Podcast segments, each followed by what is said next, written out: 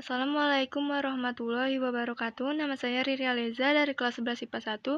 Di sini saya akan membuat podcast tentang virus corona. Penyakit virus corona atau COVID-19 adalah penyakit menular yang disebabkan oleh virus corona yang baru-baru ini ditemukan.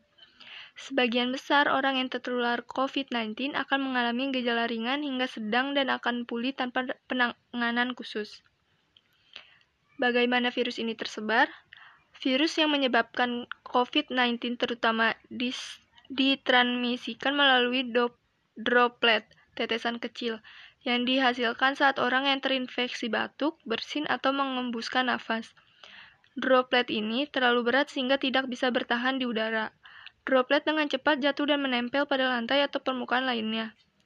Anda dapat tertular saat menghirup udara yang mengandung virus ketika Anda berada terlalu dekat dengan orang yang sudah terinfeksi COVID-19. Anda juga dapat tertular saat menyentuh permukaan benda yang terkontaminasi, lalu menyentuh mata, hidung, atau mulut Anda. Sekian dari saya, kurang lebihnya mohon maaf. Wassalamualaikum warahmatullahi wabarakatuh.